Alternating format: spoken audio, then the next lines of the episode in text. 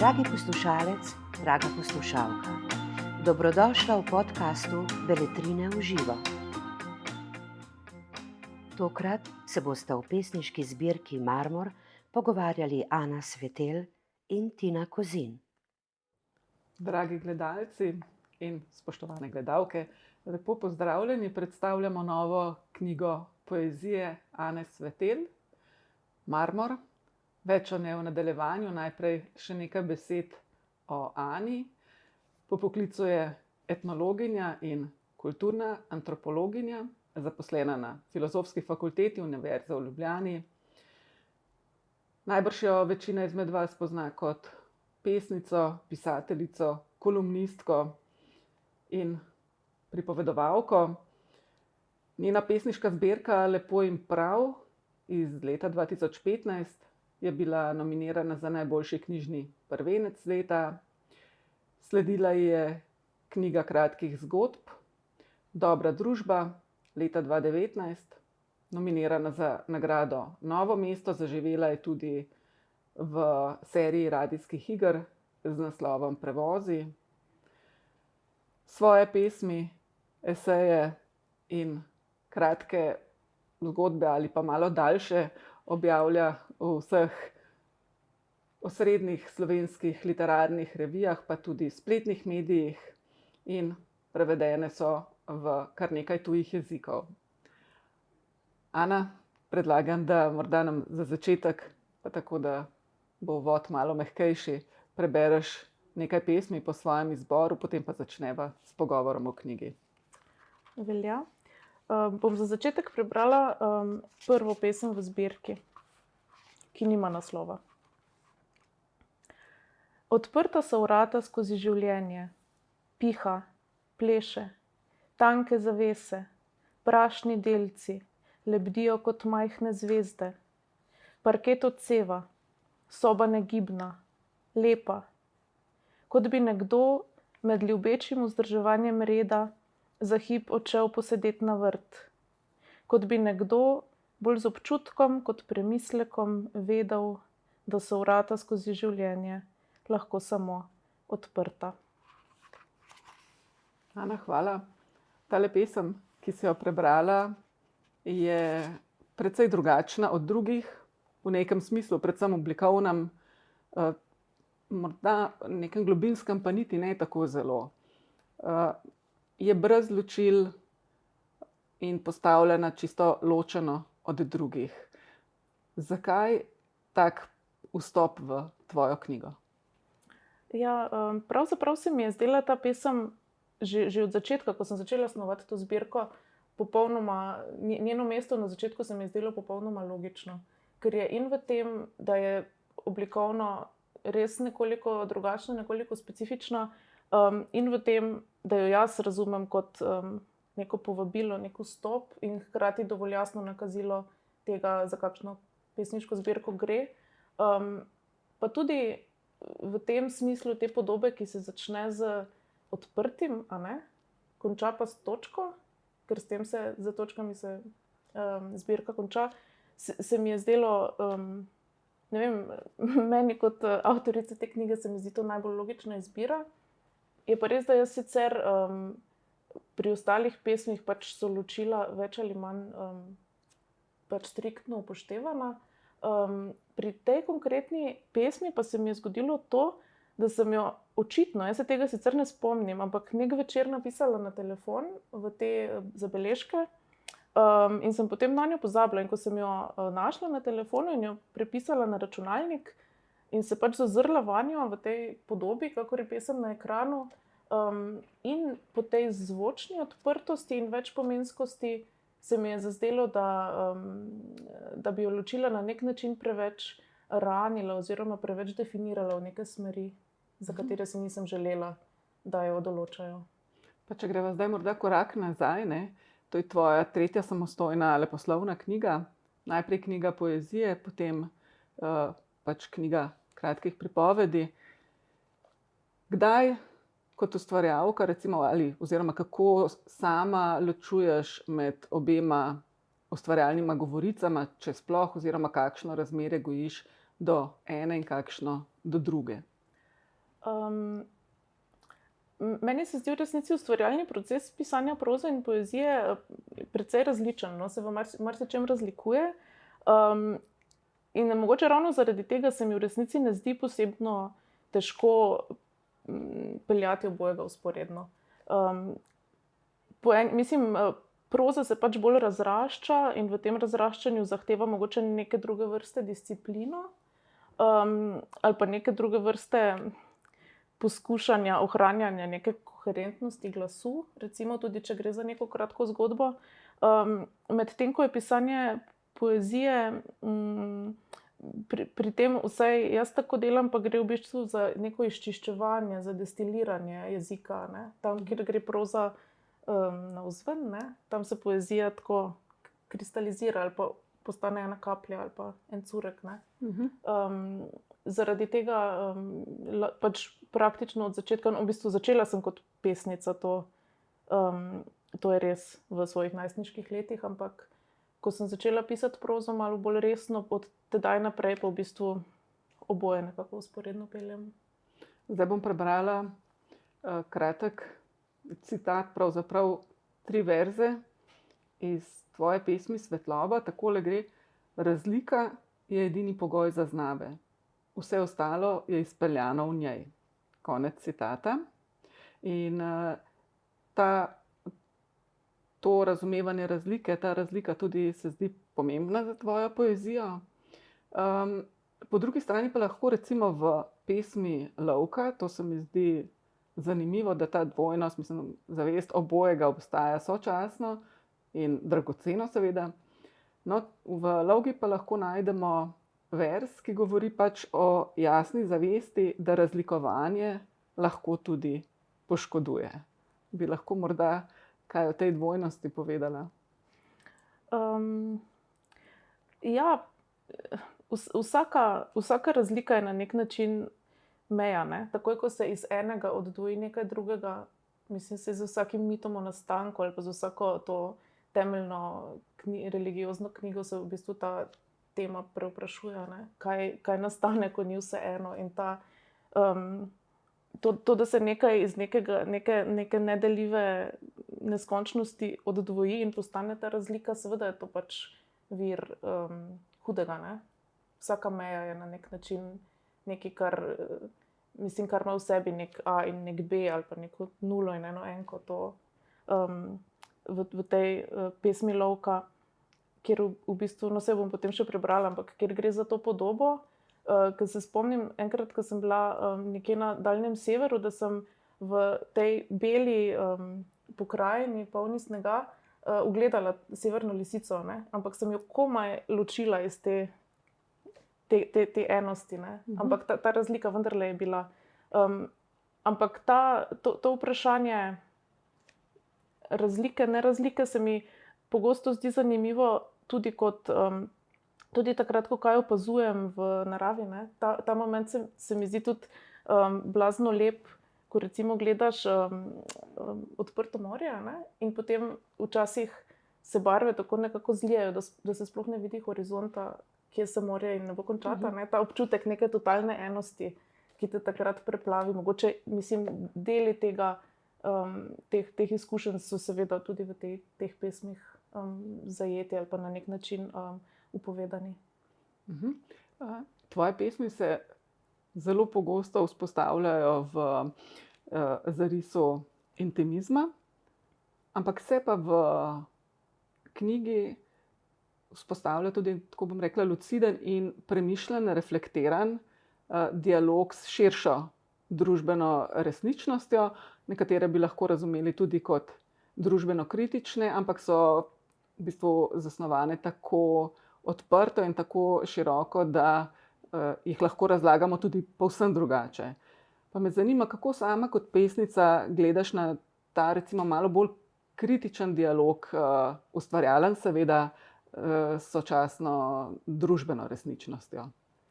Um, ja, pravzaprav Eh, jaz, recimo, kot bralka, ne bi v nobeni od teh pesmi prepoznala družbene, eh, neke izrazite družbene kritičnosti. No. Um, je pa res, da se pač kot človek, seveda, ne morem ne odzivati ne, na karkoli se dogaja, in zato tudi to, kar se v, v družbenem smislu dogaja okoli mene, nekako pronica v pesmi. Ampak um, je pa res, da meni ni blizu kot pesnici, um, da bi se neke družbeno aktualne teme v, v pesmi prelivale na nek zelo um, neposreden način. To, um, pač za mojo, mojo poezijo to res ni značilno, jaz na tak način ne pišem. Mhm. Tako da, kjer um, je mogoče nek odblesk tega, nekega komentarja, recimo na družbo, um, je verjetno res precej um, zabrisan ali pa nekoliko oddaljen. Mhm. Um, se strinjam s tem. Pesmi so v glavnem pisane v prostem verzu, mislim, so pisane v prostem verzu, so pa nekatere daljše, druge so pa izrazito kratke. Uh, se vzpostavlja, zdaj bom pogojno rekla temu, tako na nekakšen aforističen uh, način. Zakaj pogojno? Ker recimo lahko se pesem bom prebrala, zdaj čisto za primer, ne vzpostavi kot ena taka globoka misel ali nek luciden uvid ali tako ne. Recimo v otroštvu je življenje celo, na to se le še kruši. Ne. To je tako za primer, da bodo gledalci vedeli, o čem govoriva. Ampak te, recimo, te drobne pesmi se pa vedno povezujejo v neke večje celote. Zakaj ta strukturna posebnost se ti zdi, da so same na sebi uh, predrobne, sporočilno preveč krhke, ali vzrok za to koreni nekje druge? Um, mislim, da vzrok za to deloma korenini v procesu njihovega nastanka. Uh, namreč, naprimer, ta cikel uh, Pesemski okruški, um, marsikateri izmed teh verzov, oziroma teh dvo- ali troverznih uh, pesmi, um, pač zgodilo se je, da sem te stvari napisala in potem sem čakala uh, in poskušala jih razviti dlje v, v pesem. Predvsej časa se mi je zdelo, da so vse to um, nastavki, ki jih jaz potem pač moram nadgraditi z dodatnim, dodatno, dodatnim podobjem in tako naprej.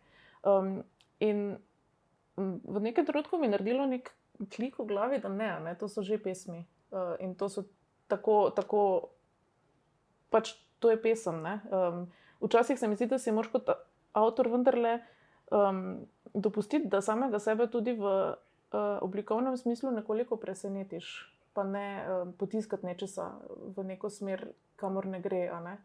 Um, in potem, bolj ko sem gledala te uh, okruške, bolj se mi je zdelo, da v resnici ne komunicirajo, mislim, ne morejo, ali pa jih jaz ne morem na tak način razširiti, da bi se razkomunicirali vsak v svojo pesem, ampak da na nek.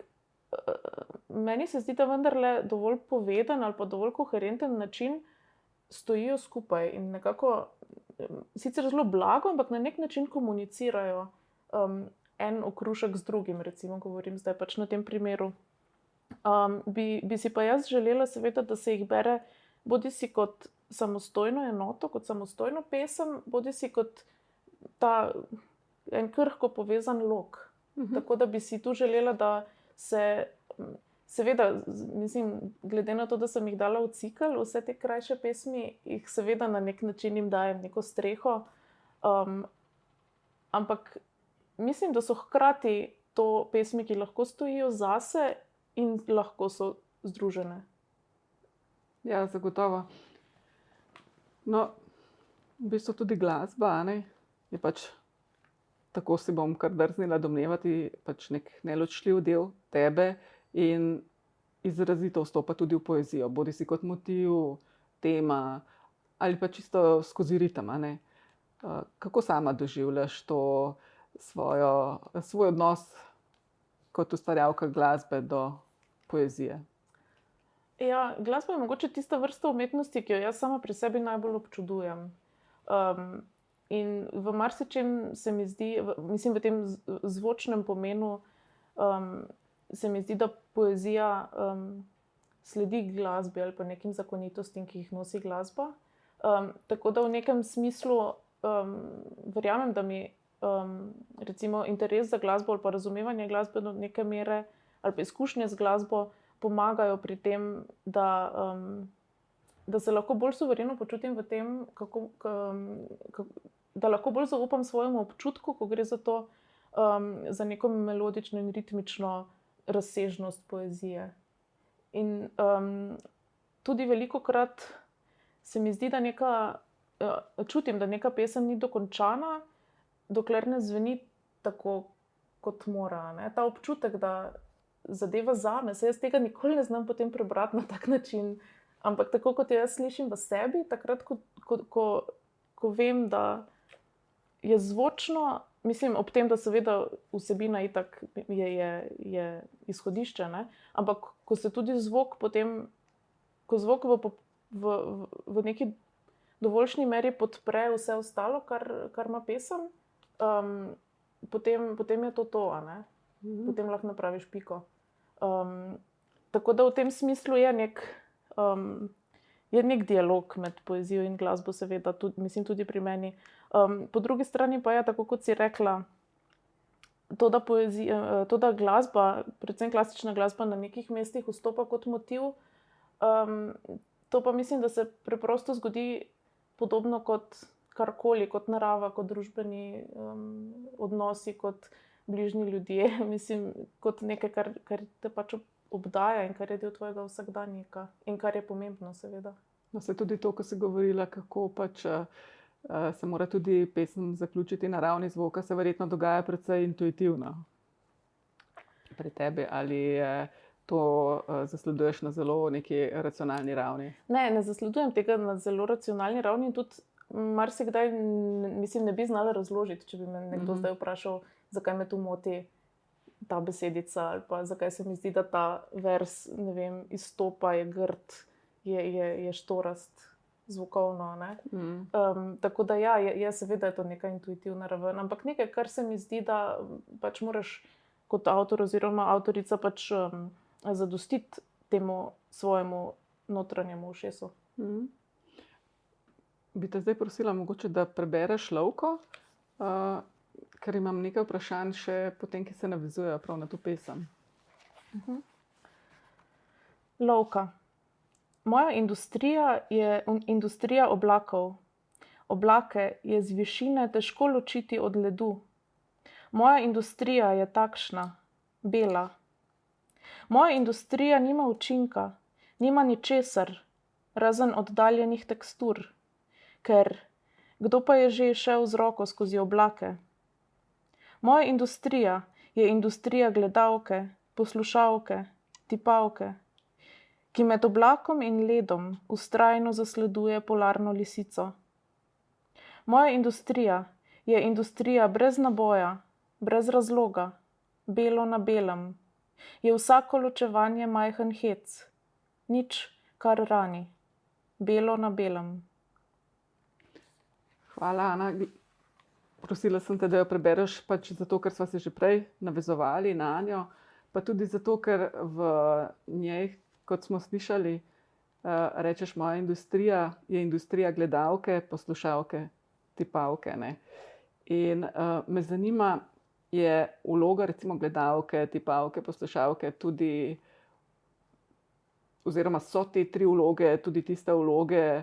Um, skozi katere se nek ustvarjalec, zdaj sprašujem te, seveda, z tvojega vidika, uh, umešča v svet ali um, to svojo ustvarjalno gesto vidiš uh, v, na drugačen način? Um, to je v bistvu zelo težko vprašanje, ne? ker um, mogoče na, na prvo misel bi ta pozicija ali pa vloga gledalke, tipavke, poslušalke, um, izpadla na nek način kot neka pozicija nekoga, ki pasivno sprejema ne, ali pa zaznava okolico, ampak pač seveda ne gre za to. To bi, bila, to bi bilo neko naivno razumevanje. Um,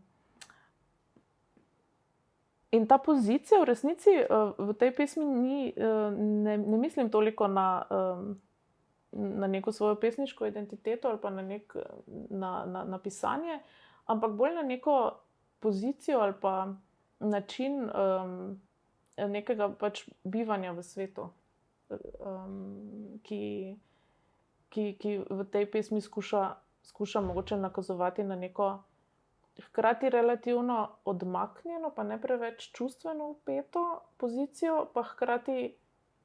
To si jaz upam v tej pesmi, da, da, da je zaznano. Um, pa hkrati neko zelo, zelo nežno ali pa krhko v tem, na kak način vstopaš v interakcijo s svetom. Um, mislim, zaznavati stvari z neko, z neko resno pozornostjo je seveda m, neka izredno izredno velik izraz spoštovanja mhm. do, do drugega in drugih.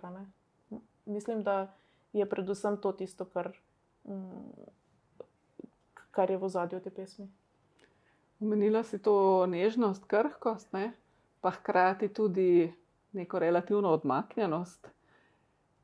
Neka tako zanimiva uh, dvojnost se mi pojavlja v naslovu, tudi marmor, ki deluje tako hladno, negibno in je, vsaj meni osebno, v tem pogledu popolnoma nasproten tvoji poeziji. Ne?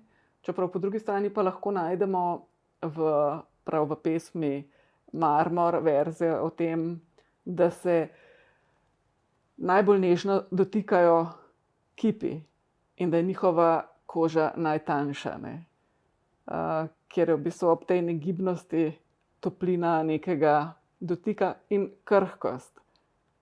Zakaj naslov marmor, marmor, pa morda še kako bi malo komentirala to, kar moje razmišljanje zdaj. No?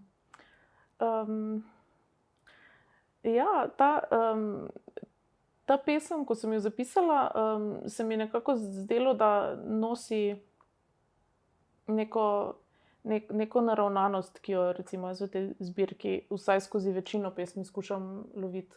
Um, in to je to razmerje med, um, med, med gladino in globino, če lahko tako rečem. Torej, med tem, kar, je, kar vidimo, ne, kar je na površini, površina sama, pa hkrati ta um, notranščina, ne, bodi si ne vem. Pač v tem primeru, um, ki pa je to, je to marmor, ne, je to kamen, ki, ki, ki, ima, ki ima to svojo osnovnost.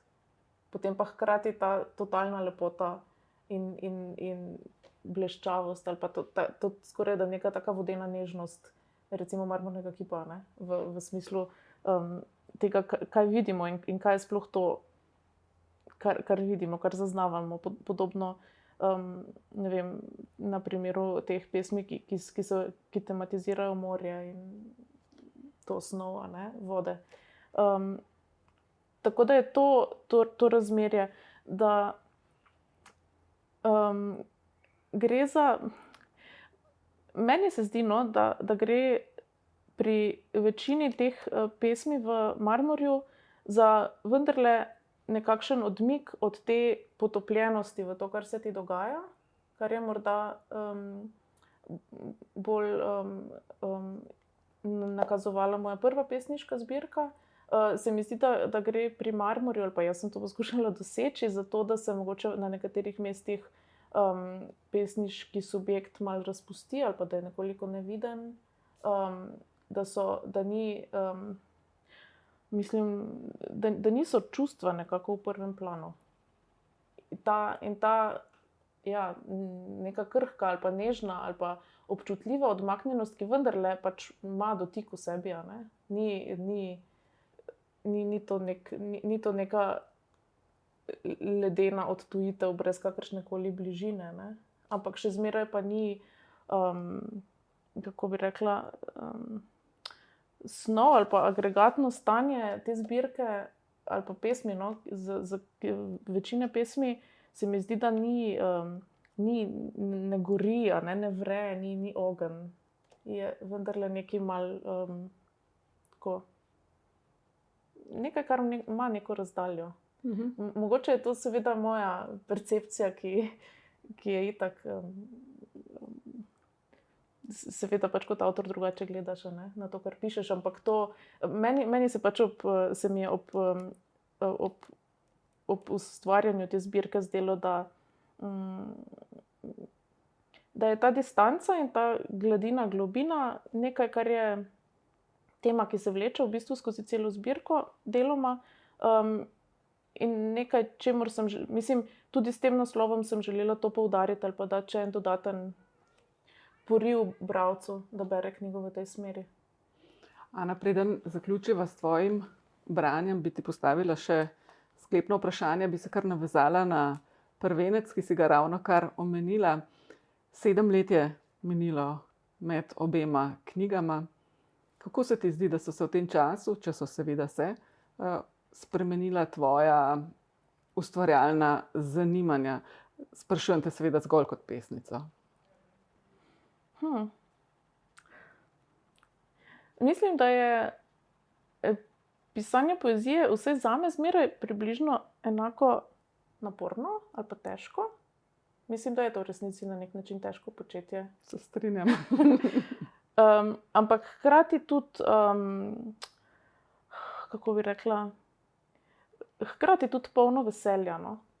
Ali pa polno nekaj ta, take, mislim, nekaj kot en taki bistri gorski potok, ne? da mora imeti to, to živost v, v sebi. Mislim, tudi pri pisanju, mislim, tudi med pisanjem je dobro to čutiti ne? v sebi. Um, in, in temu, mislim, to poslušati, ne, ne ubijati zadevo, ne? ampak jih raje oživljati. In v tem smislu se mi zdi, da v resnici sam proces, to neko najbolj izhodiščno jedro ali pa poriv tega, da, da se piše poezijo, ostaja pri meni relativno, mislim, se spremenja, seveda, in se preobraža, ampak um, ostaja pa ta neka skupna ali pa kontinuirana energija ali pa sila, ne, ki, sploh, um, ki, ki te sploh sili v to, da pišeš. Uh mhm. -huh.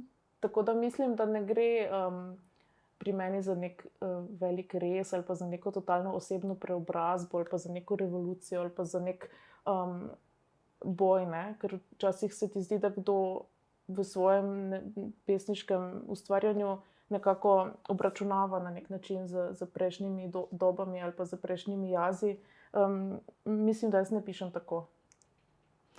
Dobro, kaj pa bomo še slišali zdaj za zaključek? Za zaključek bom prebrala pa štiri uh, pesmi um, o geometrijskih likih. Trikotnik. Trikotnik je tisti, ki reče: Neka pravila morajo biti, ali pa dogovori so zato, da se jih držimo. Trikotnik ima zapestno uro za eno luknjico preveč tesno zapeto in nikoli se ne spomni svojih sanj. Spi sam, ker bi s svojimi tremi rezili zmeraj koga porezal. Kvadrat. Kvadrat je zaprisežen egalitarist. V program je zapisal, da ne bo nihče čutil krivice. Kvadrat se programa drži, načela so načela, ustraja, medtem ko se skuša začeti vrteti. Osmerokotnik. Osmerokotnik je v bistvu neke vrste zvezda, razširjena družina z velikim enoprostorcem in psom. Osmerokotnik ne mara primerjav, monoteizma in likov z malo koti. Kadar gre na morje, plava hrbtno. Kopalci ga ustrajno zamenjujejo za lepo oblikovan list. Po zimi se oprime snežink in razmišlja o večnem krogu življenja. Krok. Krok že dolgo ve, da se ne bo nikoli docela spoznal, zato molči. Na pamet zna samo pet decimalk števila pi kar bi koga utegnilo presenetiti, vendar krok ni cinik. Ko ga deček s prstom riše v sneg, je vidno ganjen. Ana, hvala. Drage gledalke, gledalci, tudi vam hvala za tole pozornost. In vzemite seveda v roke knjigo Marmor, Ane Svetel, naše današnje sogovornice, z njo pa sem se pogovarjala Tina Kozin. Najlepša hvala za vašo pozornost. Za več knjižnih vsebin vas vabimo na www.beletrina.si in v našo knjigarno na Starem trgu 3 v Ljubljani.